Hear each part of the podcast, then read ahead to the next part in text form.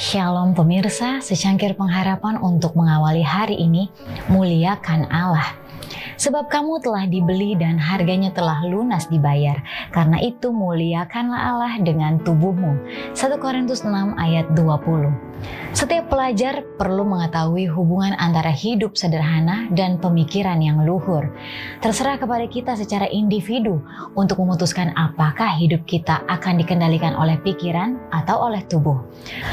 Orang muda haruslah masing-masing untuk dirinya sendiri mengadakan pilihan yang membentuk hidupnya dan tidak ada kesukaran yang disisakan agar ia dapat memahami kekuatan dengan mana ia menanganinya serta pengaruh yang membentuk tabiat dan nasibnya. Sifat tidak bertarak adalah musuh terhadap mana semua orang perlu waspada. Pertambahan yang cepat dan dahsyat kejahatan ini haruslah membangunkan setiap orang yang mencintai bangsanya supaya turut berperang melawannya. Tetapi untuk memahami selengkapnya pengertian sifat tidak bertarak, kita harus menyelidiki lebih dalam lagi daripada sekedar penggunaan alkohol atau tembakau.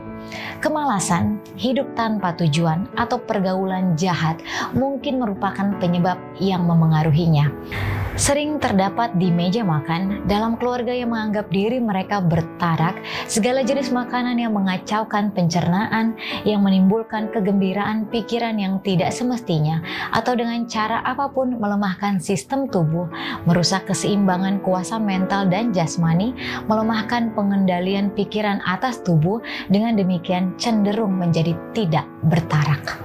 Kehancuran orang-orang muda yang penuh harapan dapat ditelusuri dari nafsu makan yang tidak normal yang disebabkan oleh makanan yang tidak sehat.